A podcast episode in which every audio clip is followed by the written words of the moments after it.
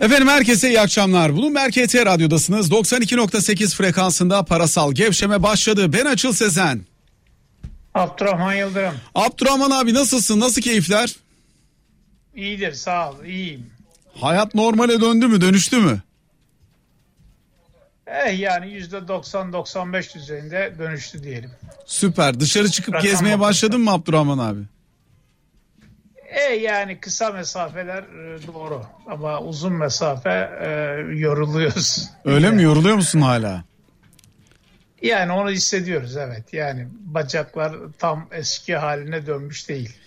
Ya işte biraz da yürümeyi de unutuyor insan tabii. Ee, Çok da kullanmadığın için o dönemde. Kaslar falan değil mi? Ama eklem, eklem yerlerinden bir e, şeyi hissediyorsun. Yani zorlanma ve şey. Dinlenme ihtiyacı hissediyorsun. Vallahi Allah kolaylık versin abi. Şimdi efendim 0212 255 59 20 canlı yayın telefon numaramız. WhatsApp üzerinden bizlere 0536 266 81 81 numaralı telefondan mesajlarınızı iletebilirsiniz. Gerçi telefon burada yok. Atsanız da ben şu anda alamam. Arkadaşlar verecekler şimdi telefonu bana. Diğer yandan Bloomberg HT Radyo Twitter ve YouTube hesabı üzerinden göndereceğiniz mesajları da mümkün olduğunca okumaya çalışacağız. Şimdi Abdurrahman abi Twitter'daki canlı yayınımıza da bekliyoruz bu arada. Periskop gitti Twitter geldi aslında aynı canlı yayın ama e, oralardaki katılımı biraz düşük bulmaya başladık onları bekleriz. Şimdi e, aşıyla ilgili çok önemli gelişmeler var Abdurrahman abi. Yani özellikle dün e, Sağlık Bakanı Fahrettin Koca'yla e, Biontech'in kurucusu Uğur Şahin arasındaki diyaloğu canlı yayında izledik takip ettik. 120 milyon doz BioNTech aşısının Eylül ayına kadar Türkiye'ye geleceğini ifade ediyor Uğur Şahin. Dolayısıyla siyasetten bakana inanılır inanılmaz daha önce de söz verildi geldi gelmedi falan gibi tartışmalar vardı. O yüzden Uğur Şahin'in ağzından bunun duyulmasının çok önemli olduğunu Sayın Bakan da söyledi. Fahrettin Bey de söyledi. Bu yüzden şimdi belki şunun üzerine konuşmanın zamanı vakti gelmiş olabilir. Salgının sonu göründü dedi Fahrettin Bey. Hakikaten görünüyor olabilir. Yani işte 120 milyon doz dediğin yaklaşık 60 milyon kişinin aşılanması imkanını getirecek. Nüfus üzerinden dönüp baktığında e, Türkiye'deki insanların çok önemli bir kısmının aşılanabileceğini hatta hatta hatırlatma aşısı denilen 3. doz için bile pay kalabileceğini anlıyoruz bu yaşanan gelişmelerden. Şimdi bundan sonra Türkiye'de eğer ki Eylül'den itibaren hayat normale dönecekse nasıl bir hayat bekleriz biraz bunu tartışalım istiyoruz.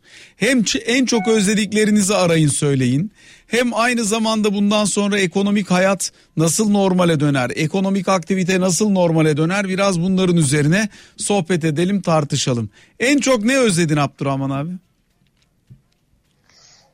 Valla e, herhalde en çok böyle bir çarşılarda gezmeyi özledim diyelim. E, yani Eminönü, Kapalı Çarşı vesaire gibi lokantalarda yemek yemeyi özledim arkadaşlarımla. Ondan sonra arabaya atlayıp böyle bir Anadolu'yu gezmeyi özledim. Serbestçe, kısıtlama olmadan. Gerçi gazeteci olarak gezme hakkımız var ama e, yani bunu kötüye kullanmamak lazım. Bir de lezzeti aynı değil yani Evet. tabii. Evet yani çıktığınız zaman zaten gezmeye de başladığınız zaman çoğu dükkan kapalı. Ee, işte e, insan sayısı son derece az. Faaliyetler yok. Ee, açık olan dükkanlarda da bazılarında mal eks- eksikliği var. Kalite eksikliği var. Diyelim lokanta açmış ama eski lokanta değil. Yani bazı yemekler yok. Ee, ondan sonra ya da elektronik ya da işte başka kırtasiyeciye giriyorsunuz. Çeşit azalmış. Çünkü ithal etmiyorlar. Yeni ithal yok. Belki yurt içi üretimde de aksamalar var. E, fiyatlar çok yüksek. Yani e, sadece meyve, sebze, yiyecek, gıda değil. Yani bunu her gün tartıştığımız için biliyoruz. Ya da işte akaryakıtı biliyoruz. Ama bilmediğimiz e, ancak karşılaştığımızda şaşıracağımız fiyatlar oluyor. Yani çünkü e, işte bütün emtia fiyatlarına e, hem dünyada hem de kur artışından dolayı Türkiye'de e, zam geldi. Üstelik de bu Türkiye'deki çifte zam anlamına geliyor. Abdurrahman yani bir abi bir şey bir şey rica edebilir miyim? Çok pardon bir şey rica edebilir miyim? Kumanda yakınındaysa televizyonun sesini kısabilir misin? Hakan abinin sesi benim kulağıma geliyor çünkü e, televizyondan. O yüzden onu bir kısabilirsek evet, süper olur. Estağfurullah abi. Olabiliyor bazen biz de unutabiliyoruz. Evet. Ha. Çünkü evet, Hakan abinin sesinden şimdi... tanıdım. Hakan'ı e, herkes tanıyordu. Değil mi? E, tan e, tanınan bir gazeteci her yerde konuşuyor. E, hiç durdurak bilmiyor. yani en çok çalışan insan diye. Hakikaten öyle ya. İnanılmaz çalışkandır. Allah hepimize onun yani, enerjisinden versin. Demek ki kimyası, vücudu, e, şeyi, fiziksel şeyi bunu kaldırıyor bu yaşta. Helal olsun e, yol açık olsun. Başarılar dileriz. Peki abi senin sözün yarıda kaldı devam edelim. E, yani hakikaten şaşırıyorsun. Dolayısıyla yani zamlı ürünleri almak da e, insana hakikaten şey yapıyor. Yani alışveriş e, pek zevk vermiyor. Yani şaşırıyorsun ve bu bedeli ödemek istemiyorsun. Halbuki aradan bir zaman geçmiş. Yani diyelim ki biz sanki alışverişi e, şey e, pandemi öncesinde bırakmıştık. E, pandemiden bu yana işte bir seneden fazla zaman geçti. O bir senede de çok şey oldu. Dolayısıyla şimdi fiyatla karşılaştığımız zaman şaşırıyoruz hakikaten. Yani son olarak bir e, beyaz eşya satın alma durumunda hakikaten şaşırdım yani. Birkaç tane şey baktım e, yani fiyatlar acayip yüksek. Ya dün biriyle ee, konuştum abi bak. E, üst segment yataklar var biliyorsun. Bildiğin yataktan bahsediyorum. Üst segmentleri var bunların. Bir tane ithal yatağın fiyatı e, için konuşuluyor. E, dedi ki ya bir yatak alalım ama yatakta aldım mı 15-20 sene kullanıyorsun. Yani iyi bir yatak alalım diye düşündük. Daha önce bir 10 sene önce aldığımız bir yatak vardı ithal marka. Ondan alalım dedi dedik diyor. Ee, abi gitmişler yatak için söylenen fiyatı söylüyorum sana. 26 bin TL yatak. Sadece yatağın kendisi yani karyola falan değil bak. Sadece yatağın kendisi 26 bin lira. Bu nasıl bir fiyat ya demiş. Demiş ki adam ya evet haklısınız. TL'ye çevirince öyle ama bu 2000 euro. 2000 euro normal bir yatak fiyatı Avrupa için normal. Kur bu kadar gidince böyle oldu. 26 bin liraya çıkmış bir ithal yatak fiyatı. Tabii daha ucuzları var yerlisi var o var bu var falan ama yani özellikle ithal malları almak onlara sahip olabilmek otomobil aldığında 300-400 bin lira para ödüyorsun şaka gibi şaka gibi. E, işte ithal e, girdi de otomobilde yüksek ithal girdi olmasa bile e, işte beyaz eşya diyorum ya satın almaya şey ettik. Bir tanesi ihracata çalışan bir marka. E, yani diğerlerinden farklı bir şekilde yukarıda fiyatı. Niye? E, ihraç ediyor zaten. Neye ihraç ediyor sanki fiyata? Onun karşılığı TL'yi e, markanın üzerine koymuş. Dolayısıyla e, yani dünya fiyatlarına yakınsıyor. Dolayısıyla yatak diyorsun yerli de alsa yatağın içinde ne varsa işte diyelim ki e, şey, süngeri, yayı sünger, ya da işte yayı neyse kumaşı yani bunların içerisinde de yine e, dolar söz konusu, döviz kuru var. Dolayısıyla o, o yani yerli üretimde olsa kısmen yüksek. Peki başka bir şey söyleyeyim. Mesela mermer. Türkiye'de üretilen mermer. Burada üretiliyor Türkiye'de. İhracatı da var ama burada üretiliyor mermer. Taş buradan çıkıyor yani. Ya fiyat şöyle... istiyorsun, fiyat istiyorsun, dolarla geliyor. Peki hadi onu anladım. Dolarla mermer satılıyor iç piyasada. Dolarla satılan mermerin işçiliği bak işçiliği yani alıyor mermeri kesiyor mobilyaya uygun hale getiriyor. O da dolarla abi. Valla bir tek bunu anlayabilirim. Dolarlı olmasını. Niye dersen çünkü mermer işçiliği ağır bir işçilik. Yani hem e, o mermeri kesmek, yontmak, e, işte e, mobilya haline getirmek belli bir ustalık istiyor, tecrübe. Ama aynı zamanda toz yutuyorsun. Dolayısıyla ben e, işçilerin dolar bazında, mermer işçilerinin Abi o Ee, zaman kömür işçilerine de dolar verelim. kesinlikle yani en azından dolar karşılığı TL vermemiz lazım. Yani kömür işçileri de öyle. Yani ne diyeyim e, insan sağlığına e, sağlığını olumsuz etkileyebilecek olan sektörlerde, mesleklerde hakikaten ücret yüksek olmalı. Yüksek olsun canım Çünkü itirazım sağlık- yok da niye dolar oluyor abi? Yok, Yani dolar, mermer e, işçisi yani- mermer mermer işçisinin yuttuğu toz artmıyor ki dolar arttığı zaman. İtirazım yok yani haklısın bence de çok özel bir işçilik Yani çok ben- özel bir ustalık hiç ben- itirazım yok yüksek ücret ona da okeyim Yok. ama e, Tamam. yani bundan 3 ay önce bundan 3 ay önce aldığı parayla bugün aldığı para arasında kur 7,5 lirada 7, 7 liradan 8,5 liraya geldi diye fiyat artışını haklı çıkaran bir şey değil ki bu. Ben söylüyorum bak dolar gene yüksek ücret alsın. Niye dolar alıyor diyorum. Yok dolar yanlış bence. Yani Türkiye'de bir zamanlar kiralarla dolarlaydı ama yasaklandı. Yani dolayısıyla biz dolar basamadığımız sürece dolarla ücret ödeyemeyiz. Yani yanlış bir yol.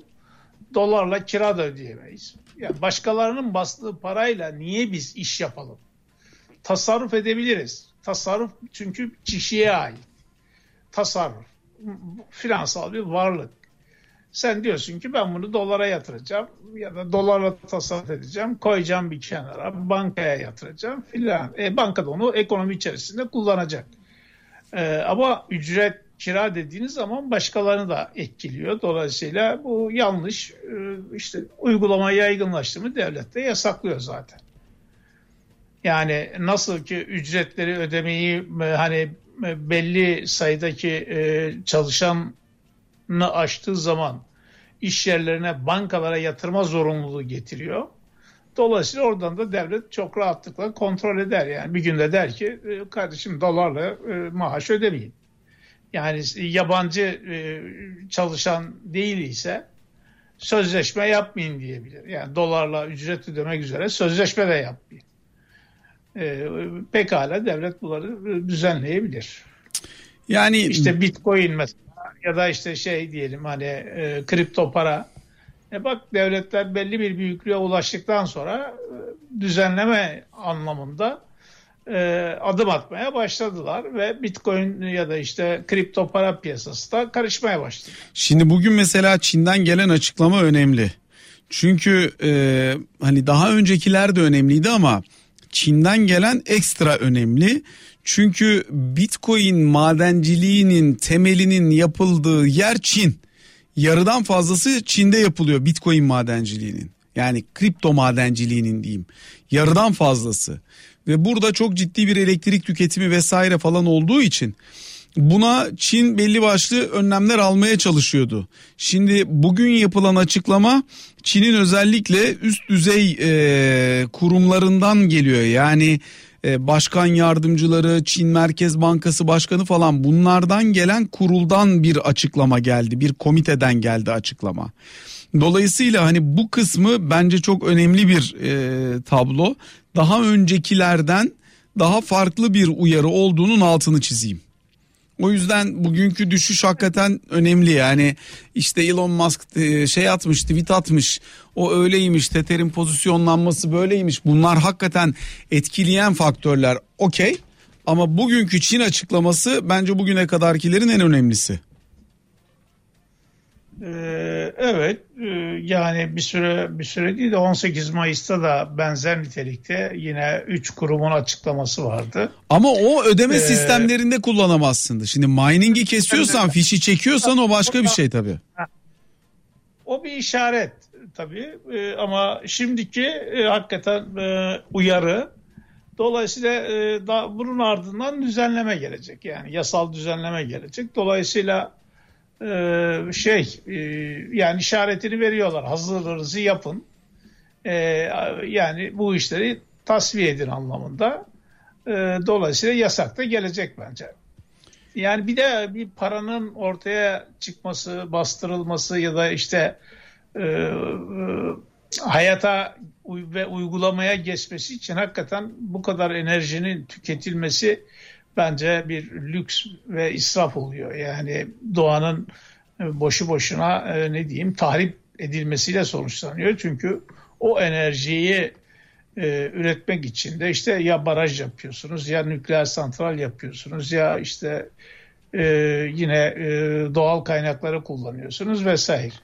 E, Arjantin büyüklüğünde bir ülkenin elektriği kadar elektrik tüketiyorsunuz. Sadece e, e, bu paraların e, işte e, şifrelerini oluşturmak için ve kayıt altına almak için. Yani bu bir hem zaman israfı hem e, insan gücü israfı hem de enerji israfı. Yani bu kadar şeye değmez. Yani merkez bankaları şu anda merkez bankaları ve finansal sistem para yaratıyor zaten. Ve maliyeti son derece düşük. Yani merkez bankalarının e, bastırdığı o kağıt paraların maliyeti e, hakikaten yüzde e, 001 falan gibi, 2 gibi bir şey. E, plastik ya da işte e, dijital anlamdaki şeyler ise belki daha da düşük maliyetle ortaya çıkıyor. Yani bizde de işte çek senet yazıyorlar. Yani bir kağıda çek senet yazıyor. O para yerine geçiyor. Elden ele dolaşıyor. Yani diyelim ki 1 milyon liralık çek yazıyor birisi. 9-10 e, kere dolaştığı zaman vadeli çek. E, yani hakikaten 10 milyon liralık bir hacim yaratmış oluyor. Ve e, bunun şeyi küçücük bir yaprak. Yani vergisi yok, şeyi yok. Dolayısıyla yani paranın üretilmesi, yaratılması bu kadar maliyetli olmamalı. Abi bir dinleyicimiz var hattımızda 0212 255 59 22. Cenk Bey buyurunuz. İyi akşamlar. İyi akşamlar efendim ee, buyurunuz. Ben şimdi bir şirkette finans profesyonel olarak çalışıyorum. Finans yöneticisi olarak çalışıyorum. Ee, az önce hani bu mermer muhabbeti oldu ya. Evet. E, aklıma şu geldi. Şimdi bu mermeri yerinden çıkarmak için işte bunlar pet, benzin harcıyorlar böyle makineler kullanıyorlar. Ondan sonra bir de bu kesmek için özel bir bildiğim kadarıyla içinde işte elmas olan falan bir şeyler var. Belki onların ma- maliyetleri dolara bağlıdır. O yüzden dolardır diye düşünüyorum. O, onun dışında bir de şeyi söyleyeceğim. Bu hayat pahalılığına ilgili. Şimdi mesela ben böyle hani e, hobi olarak bisiklet sürüyorum işte hafta sonları ve hafta içi falan. İyi de bir bisikletim var. Neyse buna bir lastik almam lazım. Yani bir bisiklet lastiği ne kadar olabilir kafanızda işte 50 lira 60 lira bir şeydir diye düşünüyorsunuz. Gidiyorsunuz böyle ya 500 liradan başlayıp 2000 liraya kadar giden bir şey var. Genişlik var. E diyorum 2000 lira veya 1000 lira mesela 1000 liralık bir lastik nasıl olabilir bir bisiklet? Abi diyor 100 euro diyor yani bu hani 100 euro 1000 lira yapıyor işte diyor yani. 100, 100 euro normal bir rakam diyor bu lastik için. Hani Alman malı bir lastik veya işte değil mi İtalyan malı bir lastik. E diyorum bunun Türk malı yok mu? Yok yani Türkiye'de üretilmiyor sonuçta bunlar. Çin'de üretilenler var. E, yani şuraya geleceğim. Biz böyle şu anda hani normal kendi alım gücümüz zaten düştü de bir de hobilerimizi falan yapmak için alım gücümüz zaten yok oldu yani. Ben hani ikinci el falan bakıyorum şimdi lastik. Acaba böyle yıpranmamış bir şey bulur mu falan diye. Ya bu da beni üzüyor. Çünkü ben kalifiye bir insanım. Yani para kazanıyorum. İşte yaptığım iş iyi bir iş. Ama öte yandan kazandığım paranın bana bereketi yok değil mi? Evet hayat kalitesi olarak getirisi var mı? Yok. Yani ben şu anda onun tadını alamıyorum yani öyle diyeyim. O yüzden üzülüyorum. İnşallah iyiye gider her şey. Hani umarım e, biz daha üretken bir ekonomi oluruz ve birim saatimiz daha değerli hale gelir inşallah ve ondan sonra biz de daha güzel yaşarız. Temennim bu. Teşekkür Peki ederim. biz çok teşekkür ediyoruz paylaşımınız için. Çok sağ olun. Hakikaten e, Abdurrahman abi ben bugün baktım mesela. E, Türkiye'de son 5 yıllık enflasyon. Yani 21 Mayıs 2021, 21 Mayıs 2016. Bu aradaki 5 yıllık enflasyona baktım. Ortalama enflasyona baktım. %13. Ondan önceki 5 yılın ortalaması %8.3. Yıllık yıllık. Yıllık enflasyon ortalaması. Ondan önceki 5 yıl %8. Ondan önceki 5 yıl %8. Yeni bir patikaya geldik ve sen 5 yıl ortalama %13 enflasyonla gidersen işte sana kurun da tabii belli bir noktaya geliyor. Zaten normalde kur etkisi olmasa bu kadar yüksek taleple ısına ısına buraya gelemezsin ekonomide. Bir yerde bir düzeltmesini yaparsın. Bir yerde bir frene bastığında işe yarar falan. Kur da bu kadar değer kaybettiği için böyle oluyor elbette. Ama e, işte hayat pahalılığı dediğimiz şey böyle böyle birikiyor. O yüzden insanlarımızın enflasyon rakamı öyle değil enflasyona inanmıyorum onunla oynanıyor bununla oynanıyor gerek yok ki zaten yüksek çok yüksek aşırı yüksek. Yüzde 13 çok yüksek 5 sene ortalama yüzde 13 enflasyon olur mu bir ülkede? Ondan sonra o ülkede kazandığın paranın bereketi olur mu? Ne dersin? Doğru yani olmaz.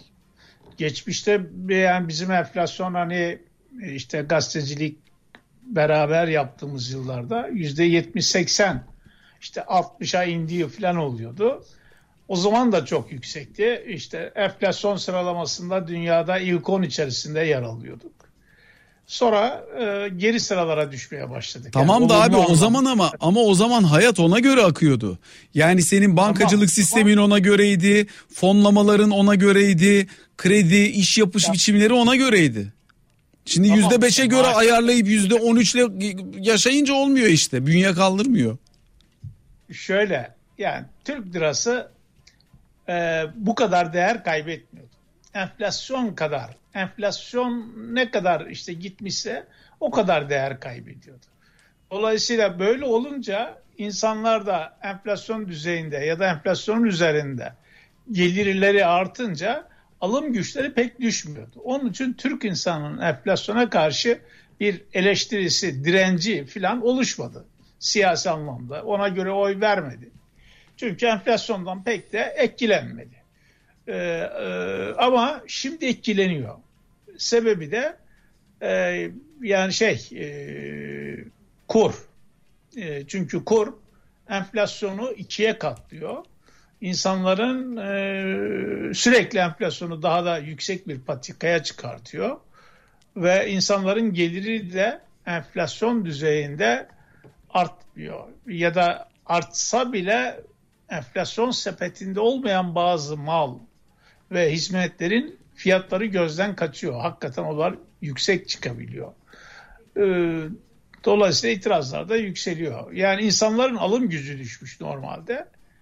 Ee, özellikle de hızlı tüketim ürünleri dediğimiz ayda birkaç kez satın alınan e, ürünlerde insanlar e, hakikaten e, alım güçleri azalmış. Gıdadan başlayarak.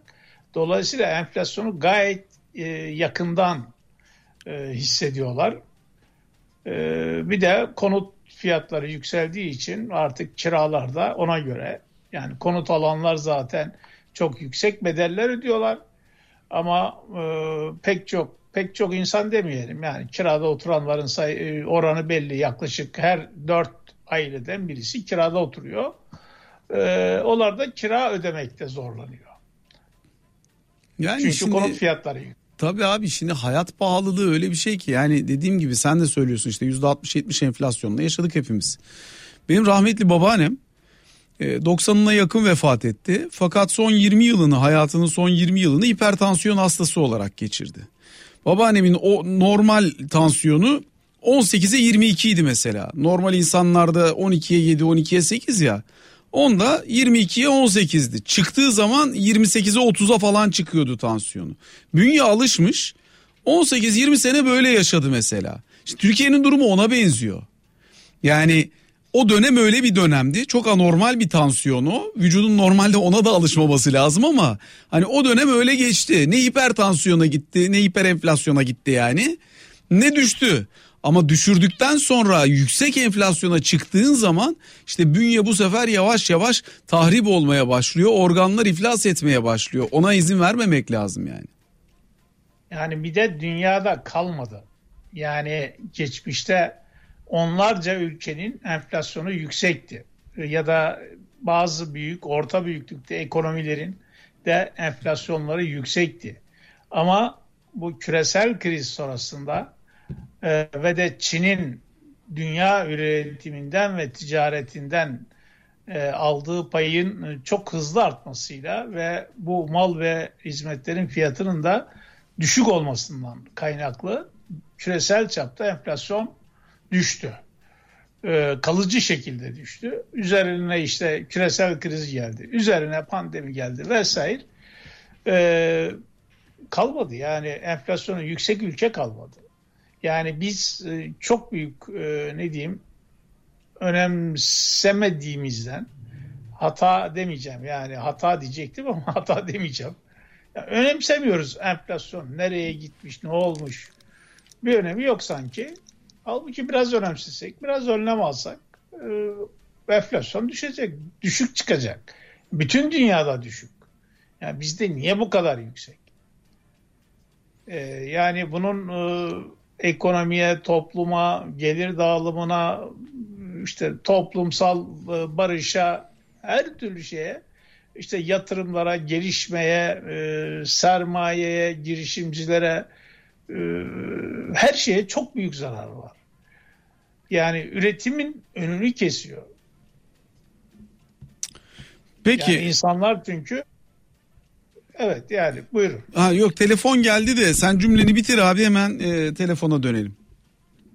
Ya asıl işte e, enflasyon devalüasyon yaratıyor. Devalüasyon hayat pahalılığına yol açıyor. Her alanda. Maliyet artışına yol açıyor. Her alanda. Evet. 0212 255 59 20 kimdir? Adem Bey buyurun. Merhaba, iyi akşamlar Açıl Bey. İyi akşamlar efendim. Hoş geldiniz. Buyurunuz. Efendim aslında çok iyi örneklediniz. Babaanneniz... Sesiniz çok sesiniz çok boğuk geliyor efendim. E, kulaklıktan mı konuşuyorsunuz acaba? Şimdi nasıl efendim? Şimdi de aynı efendim. Babaannenizin son 20 yıllık yaşam hayat döngüsüyle aslında Türkiye ekonomisinin girdiği girdabı anlattınız. Biraz da Abdurrahim Abdurrahim abiye haksızlık etmeyeyim. Biraz bilmişlik yapacağım. Kusura bakmayın ama. Estağfurullah buyurun. Türkiye'nin ekonomisi artık düzelmeyecek efendim. Çünkü izin akıyor bu kadar vasatlık varken, bu kadar cerahat dışarı çıkmışken tabandan halkın e, yani kamu denetimi olmazken halk yukarıyı denetlemezse ben niye hayat pahalılığıyla yaşıyorum diye yöneticinin yakasına yapışmazsa bu iş düzelmez. Siz neden yayındasınız? Çünkü e, kaliteli ürün üretiyorsunuz devam ediyor değil mi? Tabandan gelen bir istek var. Ve e, denetleniyorsunuz. Sizin bugün yayın e, reytingleriniz yüzde elli aşağı düşse hemen sorgulanırsınız, eleştirilirsiniz. Türkiye'de yöneticiler eleştirilmiyor, hesaba çekilmiyor, denge denetim yok. Bu, sebe bu sebeple de bu işler düzelmeyecek Açıl Bey. Şimdi Türkiye nerelerden çıktı, nerelere girdi, ondan sonra nereleri bozdu, nerelere döndü. O yüzden hani e, umutsuzluğun anlamı yok. Çünkü bu ülkenin dinamikleri, bu ülkenin özel sektörü, özel sektörünün dinamizmi, insanların ve tüketicilerinin dinamizmi her zaman için belli bir e, perspektifi, belli bir tabanı tutuyor. Yani Türkiye gerçekten güçlü bir ülke. Türkiye özel sektörü gerçekten çok güçlü bir e, yapıya sahip. Önemli bir kısmı için söyleyeyim. Bankacılık sistemi çok önemli bir yapıya sahip. Çok önemli bir güce sahip. En azından şu ana kadar böyle. Dolayısıyla belli bir yere kadar bunları taşıyabiliyorsunuz ya da belli bir yer belli bir yere kadar bunlar sizi taşıyabiliyor. Bir noktadan sonra işler gerçekten kötüye gittiğinde de reaksiyonu alıyorsunuz bakmayın. Ne dersin Abdurrahman abi? Yani doğru ben de aşağı yukarı böyle düşünüyorum. Gecikmeli bir şekilde de olsa e, alıyorsunuz reaksiyonu. Doğrudur. Ama e, denge denetim mekanizmasının yok edildiği de doğru. Yani bu e, son 20 yılda e, işte belli bir e, e, başkanlık sistemi kuruldu. O sistem çerçevesinde e, denge denetim mekanizması, kuvvetler ayrılığı, medyanın e, e, zayıf, e, işte güçlü olması e, e, yok edildi. E, dolayısıyla şey, e, yani denge denetim mekanizması hakikaten e, çok çok zayıfladı. E, bugünkü iktidar ne yaparsa ne derse o oluyor. E, hiçbir itiraz da gelmiyor. Dolayısıyla e, yapılan yanlışlar da e, çoğaldı. E, bütün bu süreç içerisinde kalıcı hasar nerede derseniz bence eğitimde. E, çünkü e, yani 20 yıldır belki ondan da önce biz e, maalesef eğitimi zayıflattık. Yani dünyaya uygun geleceğe e, hazırlık e, yapabilen ve geleceği kazanabilecek, işte iyi bir Türkiye hikayesi yazabilecek, Türkiye'yi gelişmekte olan ülkelerden gelişmiş ülke sınıfına atlatabilecek e, o dinamizmi ben eğitimde göremiyorum. Yani eğitimde hazırlığını göremiyorum. Eğitim kitaplarında eğitimi veren e, işte öğretmenlerde, profesörlerde, üniversitelerde, okullarda göremiyorum. O dinamizm yok. O, dolayısıyla biz e, hemen desek bu sistemi değiştiremeyiz. Yani eğitim sistemini, eğitim kalitesini hemen düzeltemeyiz. Düzelsek bile e, insanların yani gençlerin, çocukların hayata atılması, işe koyulmaları 15-20 yıl yani az değil. Dolayısıyla e, burada ciddi bir kaybımız oluştu.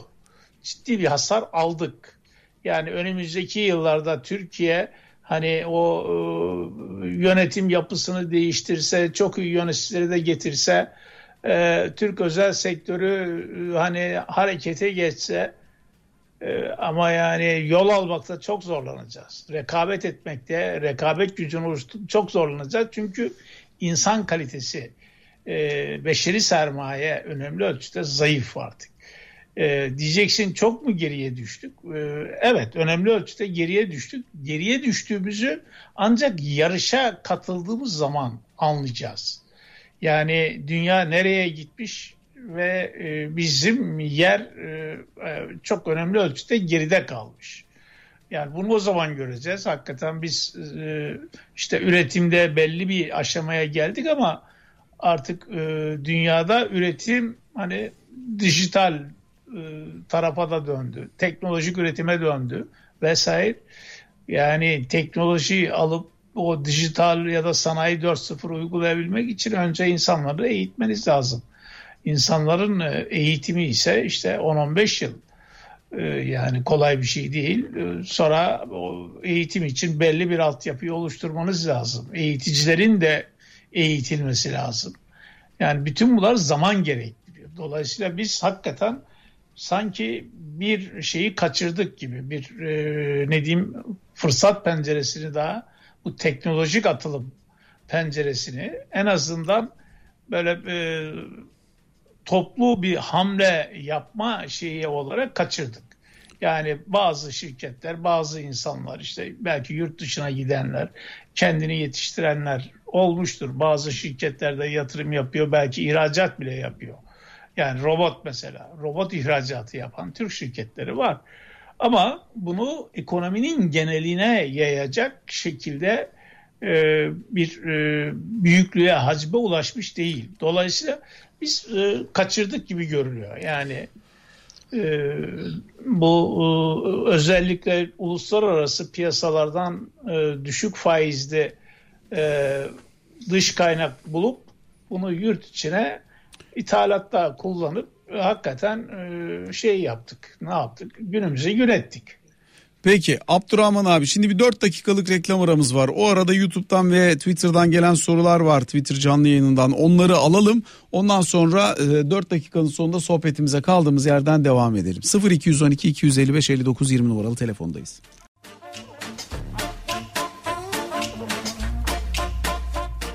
Efendim tekrar sizlerle birlikteyiz. Bulunberg KT Radyo'dasınız. 92.8 frekansında parasal gevşeme sürüyor. Ben Açıl Sezen. Abdurrahman Yıldırım. Abdurrahman Yıldırım'la sohbetimizi sürdürüyoruz. 0212 255 59 20 numaralı telefondayız. Hattımızdaysa kim var? Yener Bey buyurunuz. Yener Bey düşmüşler. Bir kez daha arayacak arkadaşlar şimdi kendilerini.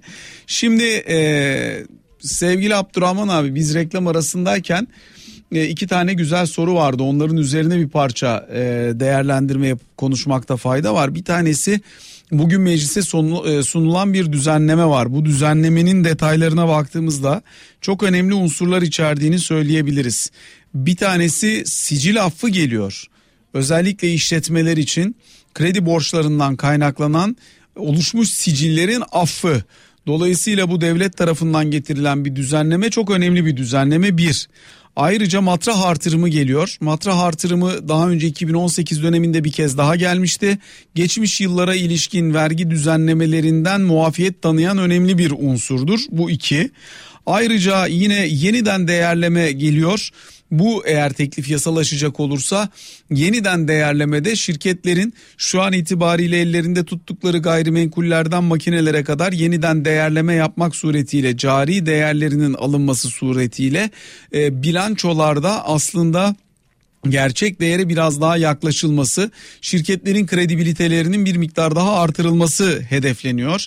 Çeşitli borç yapılandırmaları, vergi yapılandırmaları var. Buyur abi enflasyon yükseldiği için Tabii. son yıllarda hakikaten gerçek mal ve hizmetlerin, e, hizmet demeyelim, e, gerçek malların, sabit yatırımların değeri, e, gerçek değeri daha yüksek düzeylerde. Dolayısıyla o yazılı değeri ya da işte şirket bilançolarındaki değerini yükseltmek gerekiyor. Onu düzeltiyorlar. Yararlı bir şeydir işte gerçeğe uydu, e, uyduruyorlar şimdi şeyi. E, tabii şimdi burada da, normalde değerleme. zaten enflasyon değerleme farkını almanın belli başlı yöntemleri vardı. Bunun yöntemleri belli. Geçmiş yılların ortalaması alındığı için ve nispi olarak bunlar düşük kaldığı için yani bir yıl yükselse bile oradaki değerlemeler çok etkili bir şekilde e, düzeltilemiyordu. Şimdi e, arka arkaya dediğimiz gibi son 5 yılda %13 enflasyon var. Dolayısıyla aslında bunlar çok hırpalayıcı noktalara da geldi.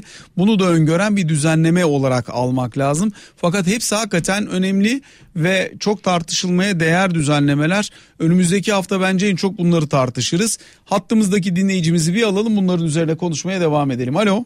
Yener Bey buyurun.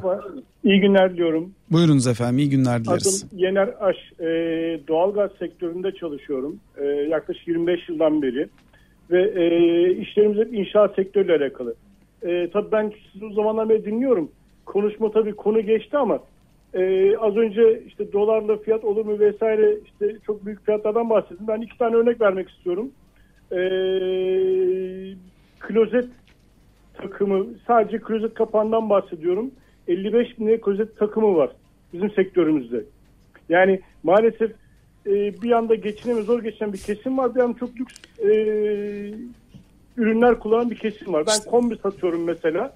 Ortalama bir e, kombi 4 bin lira 5 bin lira. Kemal 15 bin lira da kombi var. Aynı kapasitelerde. Anlatayım mı? Yani farklı bir şey var. E, bir kısım 4 bin liraya kombi alamazken bir kısım 15 bin liraya kombi alabiliyor. Maalesef böyle bir şey var. Farklı ya bu şey var. bu bu farkların belli bir düzeyde ürün kalitesi üzerinden marka üzerinden oluşması normal de bunun bu makasın bu kadar açılması anormal. Çok haklısınız. Çok haklısınız. Çok haklısınız. Bu, bu da kurdan kaynaklanıyor işte. E, geçen gün oğluma bir tane ders çalışacak. Üniversitede koltuk alayım dedim. 1500 dedi abi çok pahalı değil mi dedim. Abi e, 7000 euroya koltuk var dedi. Ya vardır tabii de yani. Yani ha. marka farkı olma bu kadar olmamalı. Aşırı, az önce beyefendi annelerimizin babalarımızın döneminden bahsetti. Ben size şöyle bir örnek vereyim. 2014 yılında kendime bir yaşında bir araba almıştım. Şimdi 2010, e, 2021 yılında bir yaşında bir araba alamıyorum. Evet işte tabii çok haklısınız. Yani makas açıldı onu söylemeye çalışıyorum. Yüzde yüz. Yüzde yüz çok çok, çok haklısınız. Çok çok haklısınız. Ne dersin Abdurrahman abi? Efendim? Ee, Abdurrahman abiye sordum. Yani olağanüstü bir dönem bu. Yani ve de 2013 yılından başlayarak döviz kurunun e, enflasyonu peşine takarak böyle fiyatlar e, içerisinde anarşi yarattığı, çok büyük haksızlıklar yarattığı, farklar yarattığı bir dönem. E, ve e, ekonomide istikrarı da bozmuş durumda. Yani fiyat istikrarsızlığı, ekonomik istikrarsızlığı da beraberinde getiriyor. İster istemez getiriyor değil mi? Aramız mı var yine? Evet. Peki dur şu şeyi bir konuşalım hızlıca da öyle verelim aramızı. Ee, bu düzenlemeleri nasıl buluyorsun abi? Şimdi dönem olağanüstü dedin ya onun için belki biraz onunla birleştirerek e, değerlendirmek lazım. Çünkü e, hani olağanüstü dönemler olağanüstü önlemler gerektirir. Türkiye'nin olağanüstü dönemi 2016'dan bu yana devam ediyor. Dolayısıyla Evet. Bir yerde bu sicil afları, bir yerde bu vergi borcu yapılandırmaları, bir yerde işte benzer yeniden değerleme farklarının getirilmesi nasıl yorumlarsın? Ya benim e, orada e, kuşkuyla baktığım şey e, ve sicil affı. E, onun dışında çok e, hani itiraz edebileceğim bir madde yok. E, borçların e, yeniden yapılandırılması konusunda düzenleme ihtiyacı var. E, çünkü bu yeniden yapılandırmayı biz pek bilmiyoruz.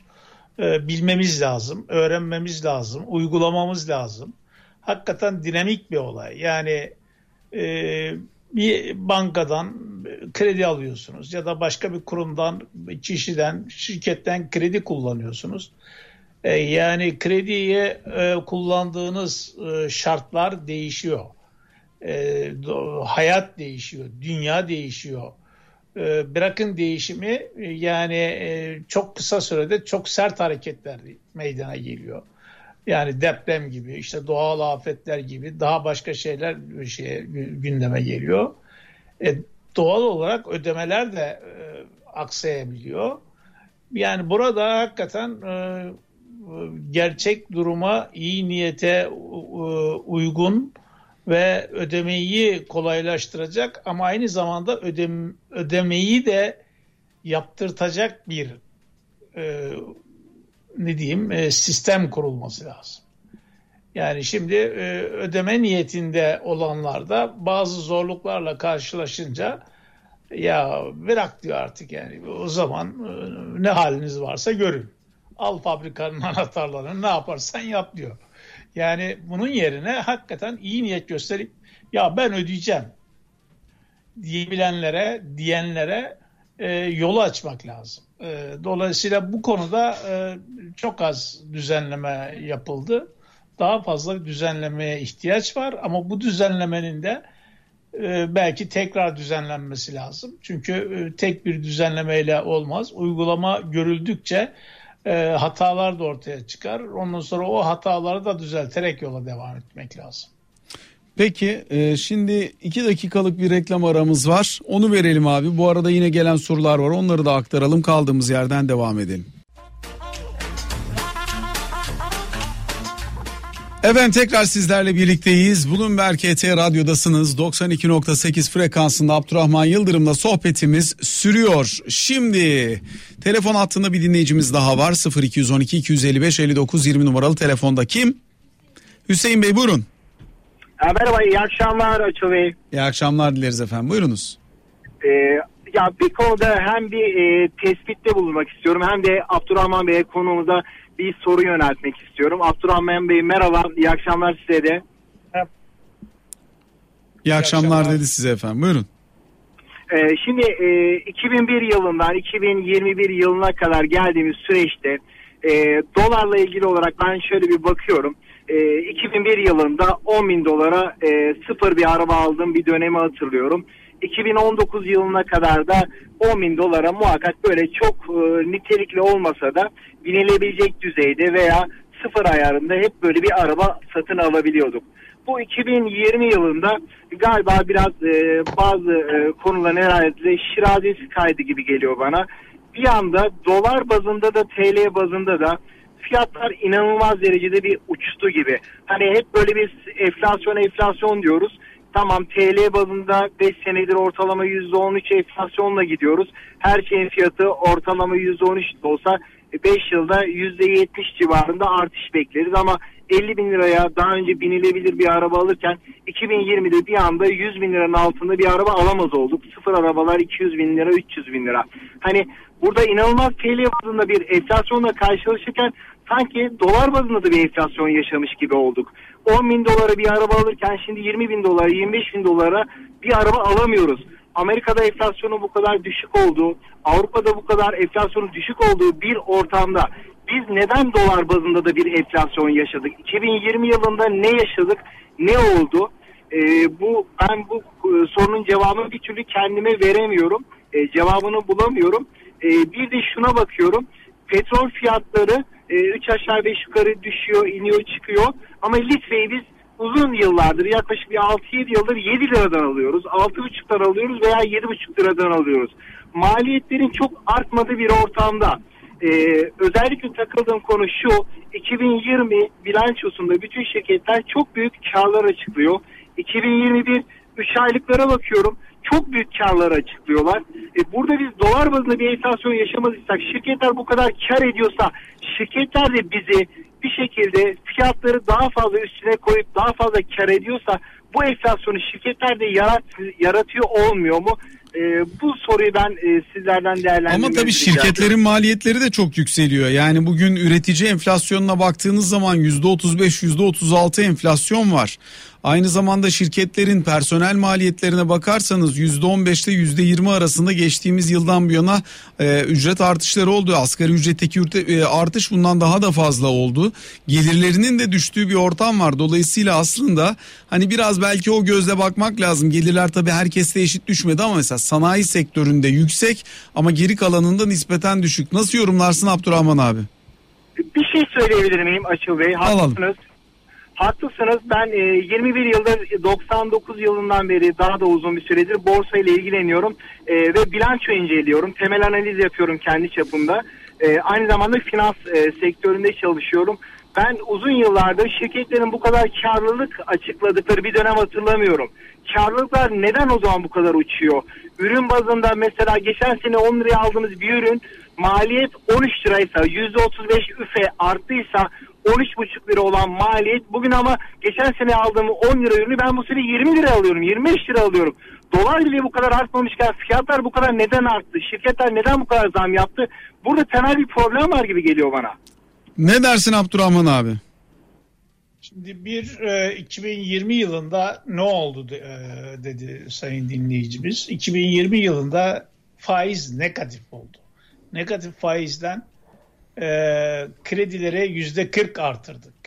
1 trilyon liralık kredi verdik. Bunu bu krediyi büyük ölçüde yine şirketler kullandı. Yani tüketiciler de kullandı ama şirketler kullandı. Dolayısıyla şirketler e, negatif faizli krediyi alıp işte arsaya, borsaya, arabaya veya yatırıma ya da dövize yatırdılar. Altına yatırdılar.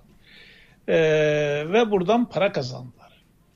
E, çünkü yatırıma yönlendirmediler. Bir yatırım şeyi yok. E, yatırımlarda gerçi bir artış var ama bu kamusal yatırım daha çok. Hastane yatırımı, altyapı yatırımları vesaire. Oradan kaynaklanan bir yatırım şeyi var. Özel sektörün yatırımları son derece cılız. Yani bu ortamda yatırım da yapılmaz zaten. Kapasitelerde düşük. E, dolayısıyla paradan para kazandı özel sektör, kazanıyor.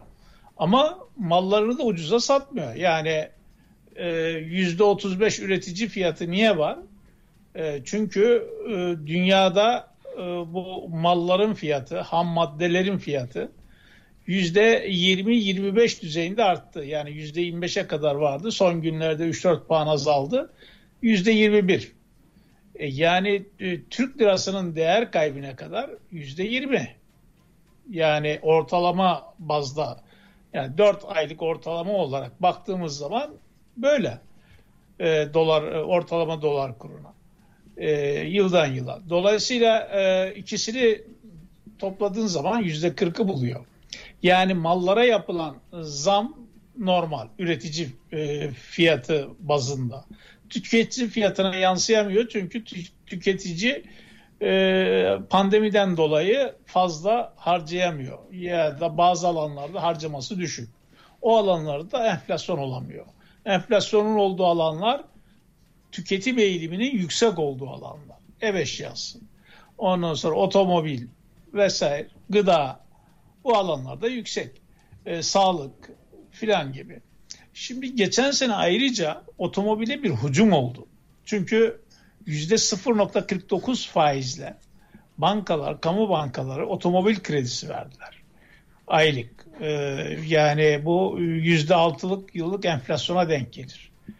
Ya da faiz yüküne denk gelir. Yani yüzde yedi ile yedi buçukla kredi verildi. E, bu fırsatı kredi alabilecek e, mali gücü olan hiç kimse kaçırmak istemez.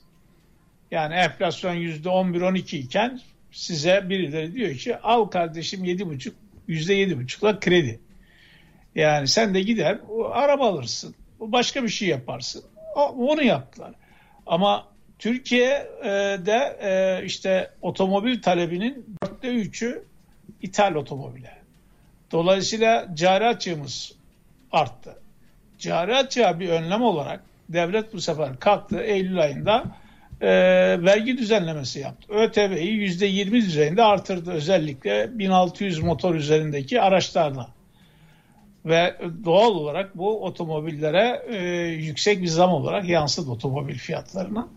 Birinci el yükseldiği için ikinci eli de beraberinde çekti. Yukarı çekti fiyatlarını. Çünkü birinci elde yeterince e, ithalat yapılamıyor. Bazı şeylerde üretim e, azalması var markalarda. E, bazılarında da talep yüksek. Türkiye'de en azından e, Türkiye bunun tedariğini düşünemedi, yapamadı şirketler. Çünkü pandemi koşullarında otomobil talebinin bu şekilde patlayacağını hesap edemediler. Kimse de demezdi. Çünkü kamu bankalarının yüzde birin üzerindeki faizi bir anda yüzde 0.49'a indirmesini kimse beklemiyordu.